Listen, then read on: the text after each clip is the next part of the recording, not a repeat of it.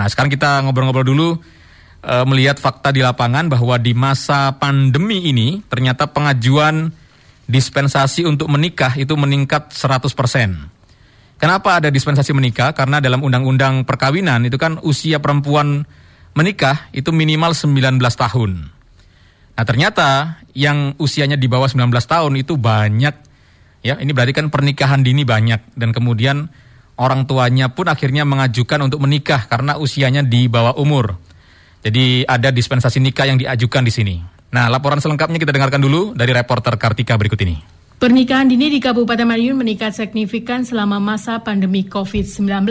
Ketua Pengadilan Agama Kabupaten Madiun Zainal Arifin mengatakan, jumlah kasus pernikahan ini selama 8 bulan terakhir yaitu Januari hingga Agustus 2020 mencapai 120 pengajuan dispensasi nikah. Jumlah ini meningkat lebih dari 100 persen dibandingkan tahun 2019 yaitu 50 pengajuan dispensasi nikah. Persentase atau jumlahnya itu untuk tahun ini lebih apa banyak atau meningkat dibanding tahun sebelumnya hmm. karena ada aturan hukum bahwasanya orang yang mau nikah itu bagi perempuannya itu yang dulu itu adalah umur 16 tahun sekarang itu ketentuannya adalah 19 tahun. Dijelaskan kenaikan angka pernikahan dini di Kabupaten Madiun dipengaruhi beberapa faktor yaitu hamil di luar nikah dan adanya permintaan orang tua yang ingin menikahkan anaknya agar tidak terjerumus dalam pergaulan yang salah. Saina mengungkapkan sejak adanya Undang-Undang Nomor 16 Tahun 2019 yang mengatur batas usia perempuan menikah dari yang awalnya 16 tahun menjadi 19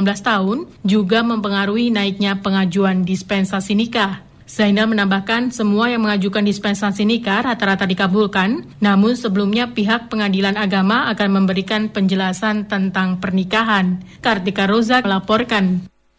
Kita akan membahas hal ini bersama dengan Kepala Perwakilan Badan Kependudukan dan Keluarga Berencana Nasional atau BKKBN Jawa Timur.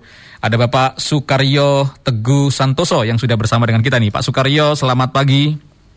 Selamat pagi Mas Haris. Iya, terima kasih banyak Pak Sukaryo Teguh Santoso, Kepala Perwakilan BKBN iya. Jawa Timur.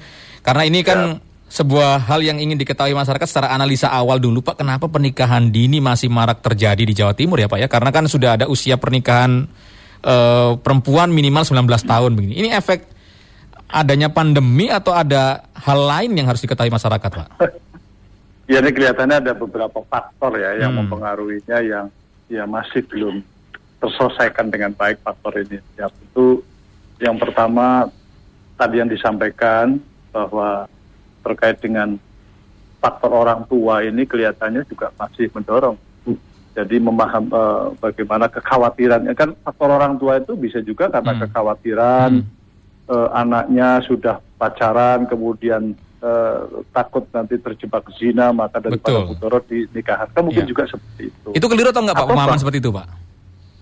Ya bisa jadi, bisa ah. jadi. Jadi kan orang tua juga tidak ingin apa ya istilahnya dirundung dosa lah begitu iya, ya. Iya iya. Juga bisa jadi ada faktor yang uh, kecelakaan ya. Hmm. Kecelakaan yang saya maksud adalah ya tanpa sepengetahuan orang hmm. tua karena dekat anaknya pacaran kemudian hamil ya mau tidak mau jalan yang terbaik adalah menikahkan pasti ya. menikahkan ya. hmm. ya. Meskipun ada juga ada faktor lain ini Mas Aris ya. Hmm. Seperti persoalan ekonomi. Ini kan ada juga uh, tipe-tipe keluarga yang ya sudah dinikahkan saja agar bisa lepas dari tanggung jawab orang tua, apalagi dinikahkan dengan pasangan yang lebih mapan sehingga bisa lebih uh, apa secara ekonomi bisa terlepas ya beban ekonomi keluarga. Terus yang kedua pendidikan. Mm-hmm.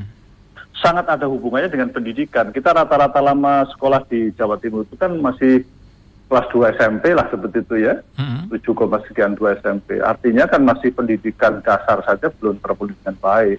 Mm-hmm. Nah, sebenarnya ini begitu kita berjuang terus untuk meningkatkan apa pendidikan dasar begitu ya sampai dengan enam tahun ke depan artinya sampai dengan SMA itu otomatis itu uh, pernikahan pada usia uh, dini ini juga akan menurun juga gitu. Jadi faktor pendidikan rendahnya pendidikan berpengaruh ya terhadap pola pernikahan. Mm-hmm. Juga faktor uh, media saya pikir juga meskipun tidak salah sebenarnya media ini tetapi uh, sudah pendidikannya rendah, orang akses media saat ini kan sangat bebas ya. Uh, dengan media-media kemudian mengakses situs-situs yang memang bisa mendorong dinamika hormonalnya, katakanlah situs porno dan sebagainya. uh, ada pematangan yang di uh, pematangan maksudnya kedewasaan yang dipaksakan karena memang stimulan dari media internet tersebut ya.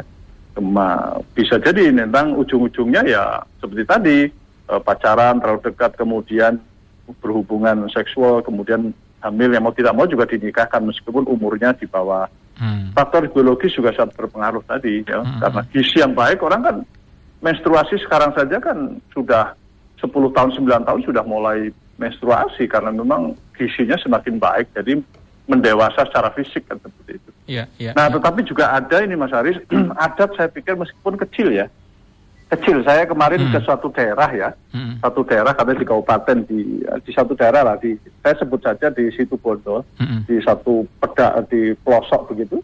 Ternyata juga ada uh, masih ada tumbuh tradisi menjodohkan pada masa anak-anak gitu loh, masa masih kecil oh, dijodohkan.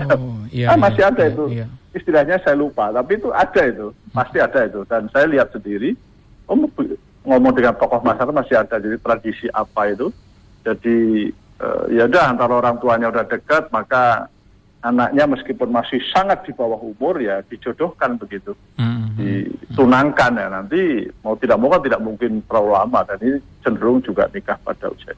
Ya, ya. Jadi fenomena pernikahan pada usia dini yang ada di Jawa Timur yang sekarang itu kurang lebih ya dari semua yang data yang saya miliki dari uh, sampai dengan bulan Agustus itu 12,94 persen dari total pernikahan yang ada gitu ya. Mm.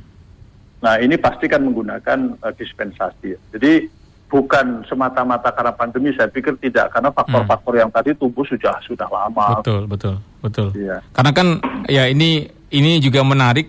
Ada yang mengatakan kalau pandemi itu justru malah mendorong orang untuk nikah dalam artian menikah hemat di masa pandemi, Pak, soalnya, Pak. Undangannya sedikit juga. gitu ya. Tapi saya pikir enggak lah ya. Justru yeah, yeah. Bisa jadi fenomenanya ya harus dibandingkan dengan sebelum pandemi pada masa sebelumnya gitu. Iya, iya. Tapi kalau kiat dari BKKBN seperti apa sih Pak menyikapi pernikahan dini ini kan kalau saya ingat Pak Suwarto Wardoyo kepala BKKBN juga mengatakan bahwa kalau bonus demografi ini kan keuntungan. Kecuali kalau misalnya bonus demografi itu ternyata banyak yang nikah muda, hamil muda atau putus sekolah. Itu kan tidak keuntungan kan begitu ya Pak ya? Ya, jadi memang kita kan ada bonus demografi itu kan istilahnya kan suatu wilayah di mana penduduk usia produktif itu berlimpah lah ya. Mm-hmm. Berlimpah uh, artinya kalau dibandingkan dengan penduduk usia non produktif, usia 0 sampai 14 eh, plus 65 tahun ke atas itu perbandingannya uh, di bawah 50 sehingga dari 100 penduduk usia produktif yang menanggung paling tidak uh, dua penduduk usia produktif menanggung, menanggung satu dan itu uh, sekarang sudah memasuki itu uh, tingkat ketergantungan terendah nanti Indonesia tahun 2035 kalau Jawa Timur sebenarnya paling rendah tahun ini sebenarnya Jawa mm -hmm. Timur ya mm -hmm. dan penduduk bonus demografi ini kan sebuah keuntungan demografi yang memang sangat berpotensi untuk pertumbuhan ekonomi tetapi ada syaratnya itu Mas Ari. Mm -mm. Kalau penduduk itu ya pendidikannya tinggi lah begitu. Iya. Pendidikan harus uh, bagus. Betul. Kemudian sehat. Mutlak harus sehat. Enggak boleh lah sakit-sakitan ya jadi beban. Dan memiliki sebuah pekerjaan yang mampu bisa memberikan income kepada anggota keluarganya dan pekerjaan ini bisa saving di hari tua nanti.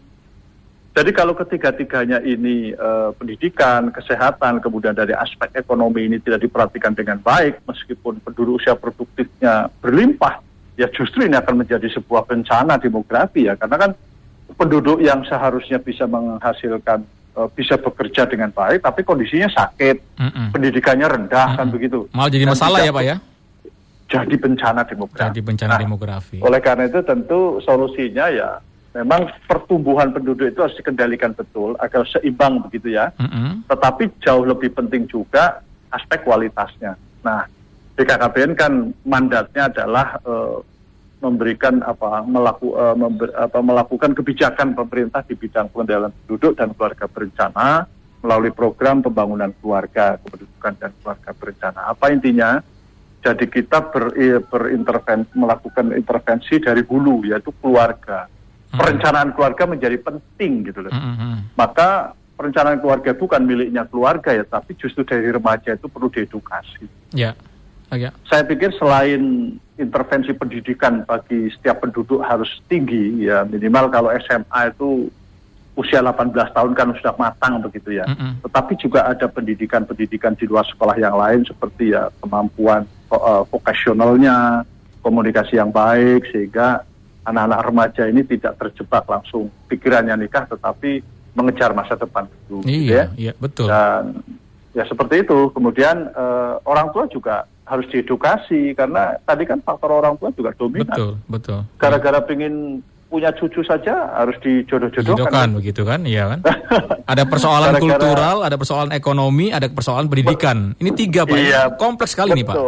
Betul, dan kalau tiga hal itu kan sebenarnya uh, nanti kan ujung-ujungnya pasti IPM kan, ekonomi, pendidikan, mm -hmm. dan juga kesehatan kan begitu. Iya, iya, iya. Baik. Kita punya program Mas Ari. Apa Pak programnya program, ini Pak? Nah ini. Program yang dalam konteks penyiapan namanya program penyiapan kehidupan berkeluarga bagi remaja. Ya, ini PKBR ya, yang sekarang banyak didengar-dengar itu didengungkan tuh genre ya, generasi berencana. Ini sebenarnya memberikan edukasi ya kepada anak-anak remaja untuk uh, lebih mempersiapkan diri di masa depan, hmm, khususnya hmm. Dalam mempersiapkan nanti memasuki jenjang kehidupan berkeluarga. Oke, baik. Bapak, boleh kita ke satu penelpon Pak? Ada Mas Dewa yang menunggu. Boleh ya? Mas Dewa, selamat pagi. Oke Mas Arif. Ya silakan Mas, langsung Mas ya. Seputar pernikahan di saat corona ini menurut saya sih ya bukan bertambah ya karena ini kan karena beritanya corona melulu akhirnya nggak ada berita lagi terus menyikapi ada pernikahan ini akhirnya diomongi pertama menurut saya sih sebelum corona juga udah kayak begini gitu loh. Jadi yang menurut saya sorotin adalah gini Mas Arif bagaimana dari pihak dinas tertentu, organisasi mengenai tentang keluarga berencana atau apa itu memberikan tadi itu program itu saya program pranika parenting skill atau premarital ya yang itu nggak hanya dimulai dari anak lulus kuliah terus mau nikah gitu loh dari anak semenjak SMP itu bagaimana tatanan berkeluarga tapi bukan nyuruh anak untuk cepat berkeluarga tapi kalau sudah ada ilmu itu anak akan berpikir dua kali dan uh, program ini juga mengenal orang tua. Kalau anaknya juga dididik tapi orang tuanya nggak mengenal, ya biasanya doktrinnya adalah ada istiadat. Kalau kamu nggak patuh, kamu durhaka. Itu kan susah kayak gitu. Ini sudah adat loh. Ini sudah turun temurun loh. Kakek nenekmu seperti ini ya.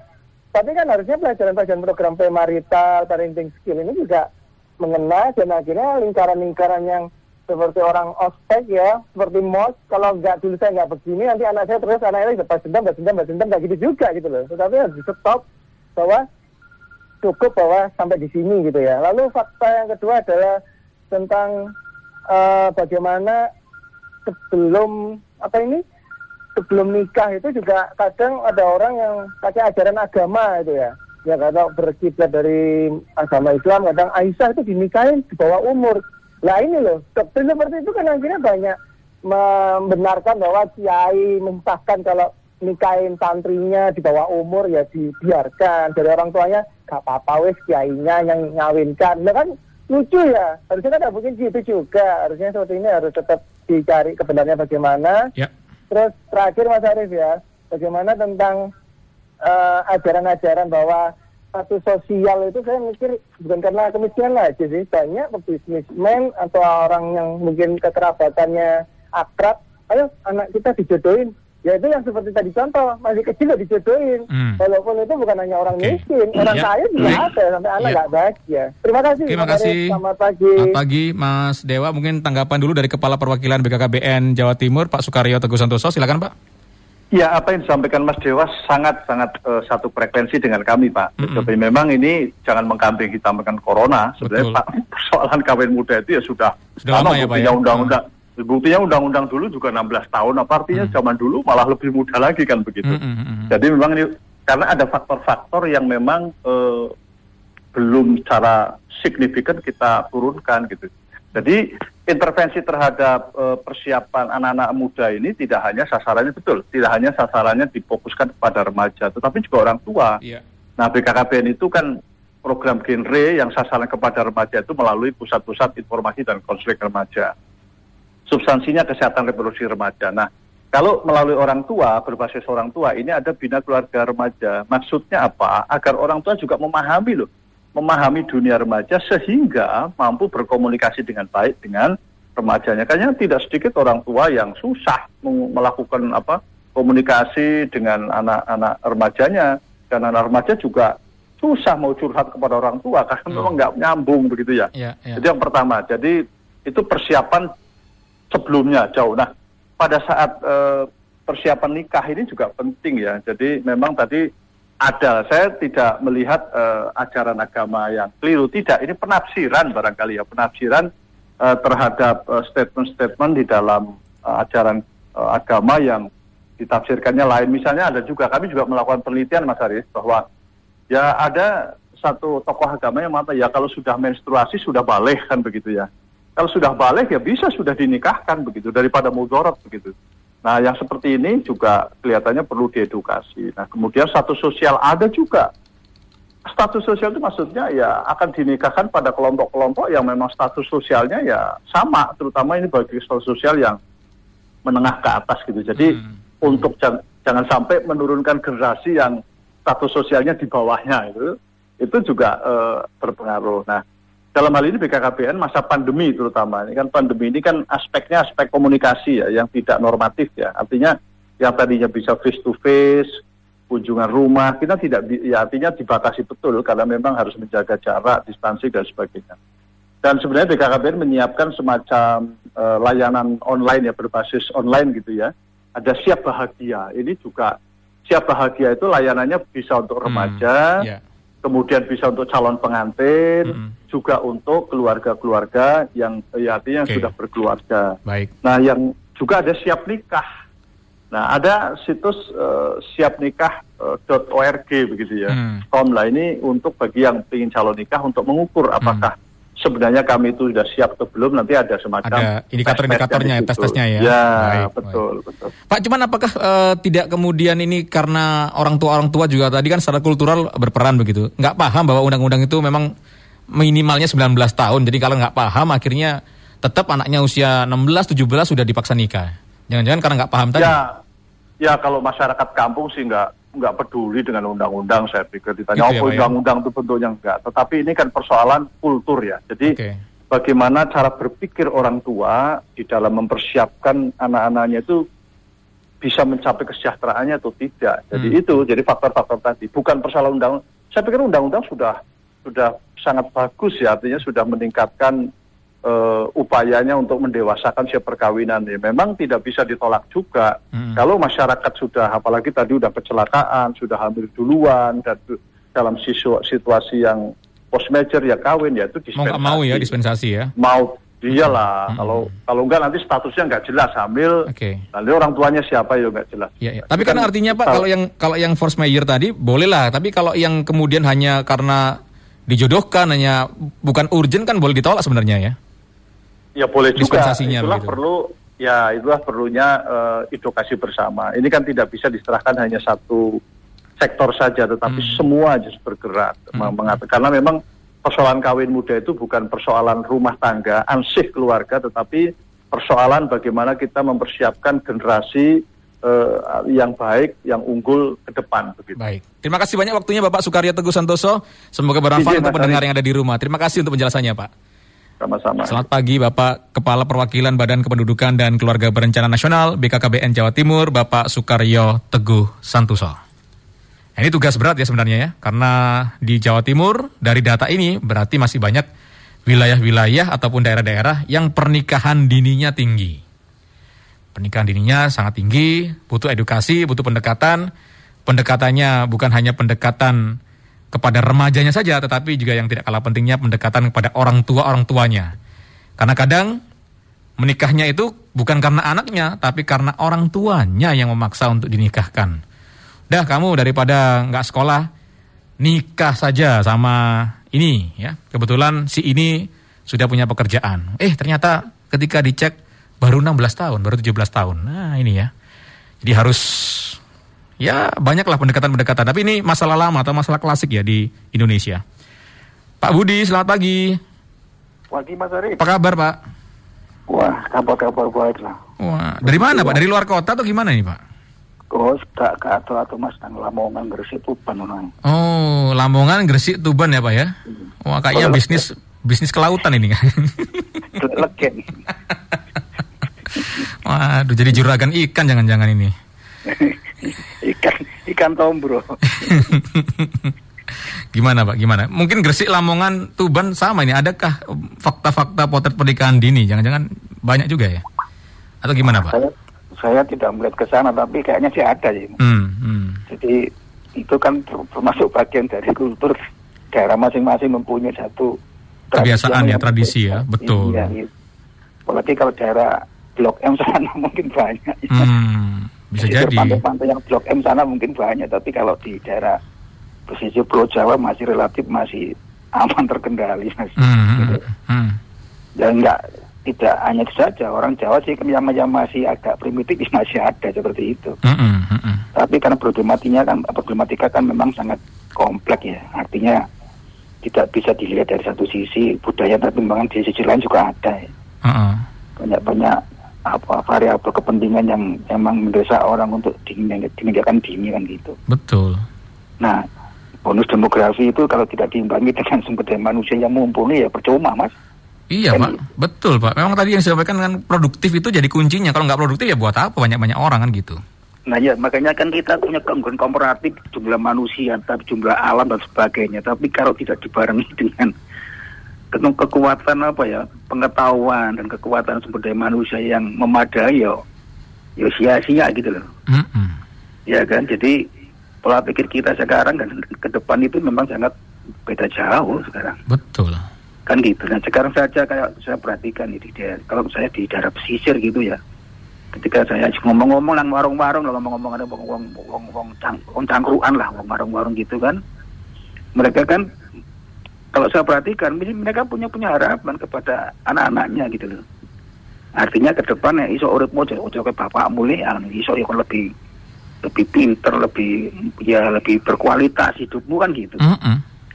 nah ini kan harap harapan yang cukup normatif ya sebagai orang tua kepada anaknya yang gitu Hmm. Ya artinya kan ada proses pembelajaran yang tidak lepas dari bagaimana sih kalau orang tua itu bisa membuka diri, membuka diri dalam arti yang paling nggak mau belajar lah, membuka wawasan, sering-sering ngobrol diskusi. Jadi kalau saya ngumpul-ngumpul di warung-warung ya ketika saya beristirahat ngopi-ngopi itu sering-sering saya berikan satu ya aku bukan sok-sokan karena tak, tak kasih uangnya buat jangan mas hmm. ya tak kasih buat jangan oh, banyak terima kasih pak atas masukannya atas banyak-banyak jadi kena sampai anak sampai ngake terus rezeki ngake aku ya mungkin yang diisi zaman mau coba ya zaman zaman zaman IP saya ini wis modern. Ya ini gak berlaku pak utang sampai tambah akeh hmm, gitu, gitu ya. Karena apa? Iya karena apa? Kayak kebutuhan ekonomi kan sekarang kan tidak semakin mudah semakin sulit sekarang kan? Hmm. nah sekarang persaingan global juga begitu luar biasa. Ya kan? Sekarang yeah. orang sekarang S1 loh, mas. Kayak sekarang sekarang kayak SMA, bisa bioan. Gitu loh. S2 juga banyak loh. Ini kan Betul. kan kompetisi, kompetisi kompetisi kehidupan kan semakin sulit sekarang. Semakin berat ya. Mm -hmm. Makin berat ya kalau kalau nek anak-anakku mereka kata siap no sarape yo yo apa gitu kan. Iya. Makanya kan saya katakan pada mereka-mereka yang sering-sering saya ngobrol bonek sampai nih berjuang keras nggak anak jangan terlalu banyak berharap nggak anak tapi bagi anak itu dididik dengan cara-cara yang mungkin menurut, menurut mereka yang yang cukup baik lah untuk masa depan mereka. Wong tua kan jalan apa-apa kan. Mm -hmm. Yang penting kan generasi kita ke depan itu bisa hidup yang ya, yang standar kan gitu kan. Mm -hmm. Nah sekarang kan, saya ini agak, agak menyimpang apa apa mas ya? Ya. Agak menyimpang apa apa ini. Apa itu pak? Soal apa pak? Soal buruh ya ini. Hmm. Ya ini mungkin sedikit-sedikit agak ke sana. Sekarang sama aja dengan buruh sekarang. Ya kan kalau sekarang kita tidak mau berkompetisi dengan dengan negara-negara lain yang yang cukup baik untuk menampung investasi ya itu tidak tertinggal. Uh-uh. Kan gitu. Sekarang banyak pilihan. Nah konsep saya itu demo demo demo demo dengan tuntutan yang luar biasa. Dengan nyanyian saya mohon maaf unskill ya. skill mereka terbatas, jasanya terbatas, dari gaji yang seperti S1, ya repot kan gitu. Hmm, gitu ya Pak. Dan, ya? ya ini kan sesuatu apa yang harus kita membuka diri gitu loh. Ya. Kan itu mas. Okay. Ya mudah-mudahan ini tidak, tidak sekedar menggurui orang tapi kan ya bos awal dulu saling saling sharing lah. Betul betul. Gitu. Ya. Saling sharing sharing supaya nanti masyarakat ini yang mendengar ini Erin juga bisa menambah apa yang saya sampaikan. Ini kan juga saya punya pengalaman yang harus saya sampaikan. Mm -hmm. Ke depan bagi Indonesia mungkin anak putunya awal ke depan harus melihat ke depan ini tidak semakin gampang hidup semakin sulit. Betul, ya kan? Betul, betul. Semakin sulit karena apa? ya tadi bagaimanapun teknologi akan menguasai. Sekarang kan bagaimana sekarang anak mahasiswa utama udah cari pekerjaan, ya kan menciptakan pekerjaan. Kan gitu. Ha. 4.0 itu kan gitu membuka diri mereka untuk masuk dalam dunia IT ekonomi digital harus dikembangkan harus menguasai itu. Lah enggak tetap tertinggal mereka. Betul. iya kan hanya KPD itu hanya konvensional klasik ya wis kayak sekarang saya mulai mas menggerakkan UKM-UKM kecil di lingkungan saya punya warga itu pak. Masukkan di startupnya kami punya punya anu, punya link situ. Hmm, hmm, hmm. Betul, apa masukkan situ lah dengan, dengan membuka diri dengan media online ini kan seorang semakin tahu gitu loh Ya, ya makasih makasih banyak Pak Budi. Selamat pagi. Gusti berkahi matur nuwun. Terima kasih juga untuk atensinya. Kita ke Pak Teo sebentar ini. Pak Teo, selamat pagi. Pagi. Iya, silakan Pak Teo. Gimana Pak? Acara selanjutnya nggak mitigasi. Eh, jaksa menyapa hari ini Kamis Pak. Jadwalnya Oh, jaksa iya. menyapa soal Iya, pilkada 2020. oh, oke. Iya. Kalau yang masalah ini, saya kan sambil jalan nih. Pikir, Ah. pikir saya, pengetahuan-pengetahuan itu sudah mulai terstruktur ya sekarang ya. Betul. Sudah mulai ada di back mind orang-orang, Mm-mm. terutama yang yang berkompeten gitu ya. Mm. Termasuk apa itu pre marital education itu Mm-mm. dulu kan mengadopsi dari salah satu anu itu kalau nggak salah tempat saya saya dulu waktu mau nikah itu dididik dulu di ini dulu lama gitu Mm. Di TNI ya. Ya. Pak ya itu ya? ya Di TNI kan ya? di anu Di mana Pak? gereja Katolik Oh di gereja. ya itu kan terus diadopsi sama Menteri Agama itu Oke. Ya, kok ini ada yang baik gitu ya ya ditiru lah gitu Oh. di iya. edukasi pelajaran-pelajaran sebelum menikah itu kalau nggak salah kursus itu Tiga bulan itu atau Mm. enam bulan itu. Mm, mm, mm, ya memang ketat gitu ya kalau yang baik kan nggak masalah gitu mm. nah sekarang kan sudah menjadi suatu pengetahuan umum itu karena memang itu bisa bonus demografi oh, semua paham juga Mm-mm. kalau nggak dikelola dengan baik bisa jadi bencana ya? disaster Hmm, disaster disaster. itu bencana disaster of apa ya habitat uh, habitat life lah gitu apa ke- kehidupan manusia Mm-mm. Ah, ada contoh ya, Cina dulu kan gitu. Ya, sekarang dia udah terentaskan. Nah itu masalahnya sekarang adalah education itu gimana caranya mengkomunikasikan pada masyarakat yang stratanya itu masih seperti ini. Mm-mm. Baik tempatnya jauh-jauh, demografinya juga jauh, alat komunikasinya nggak ada, dan lain sebagainya. Padahal kita juga masih paternalistik itu masih itu kalau nggak diomongi sama yang yang dianggap tua, dianggap pinter kan nggak mau dia. Mm-mm. Ap- Tatap muka kalau nggak tatap muka juga nggak mau. Nah, ini ini menurut saya justru di situnya itu teknik-teknik yang harus di di selalu diperbaiki. Era Orde Baru, maaf saya sebut, itu ada itu dulu kan sukses begitu. Mm. Kenapa kita dulu pernah membuyarkan gitu loh. Apa yang berbau Orde Baru selalu jelek gitu. Nah ini menurut saya justru di sininya, angle-nya itu dari sini, sudut pandangnya. Ini yang harus digalakkan secara pas gitu. Ya. Iya itu.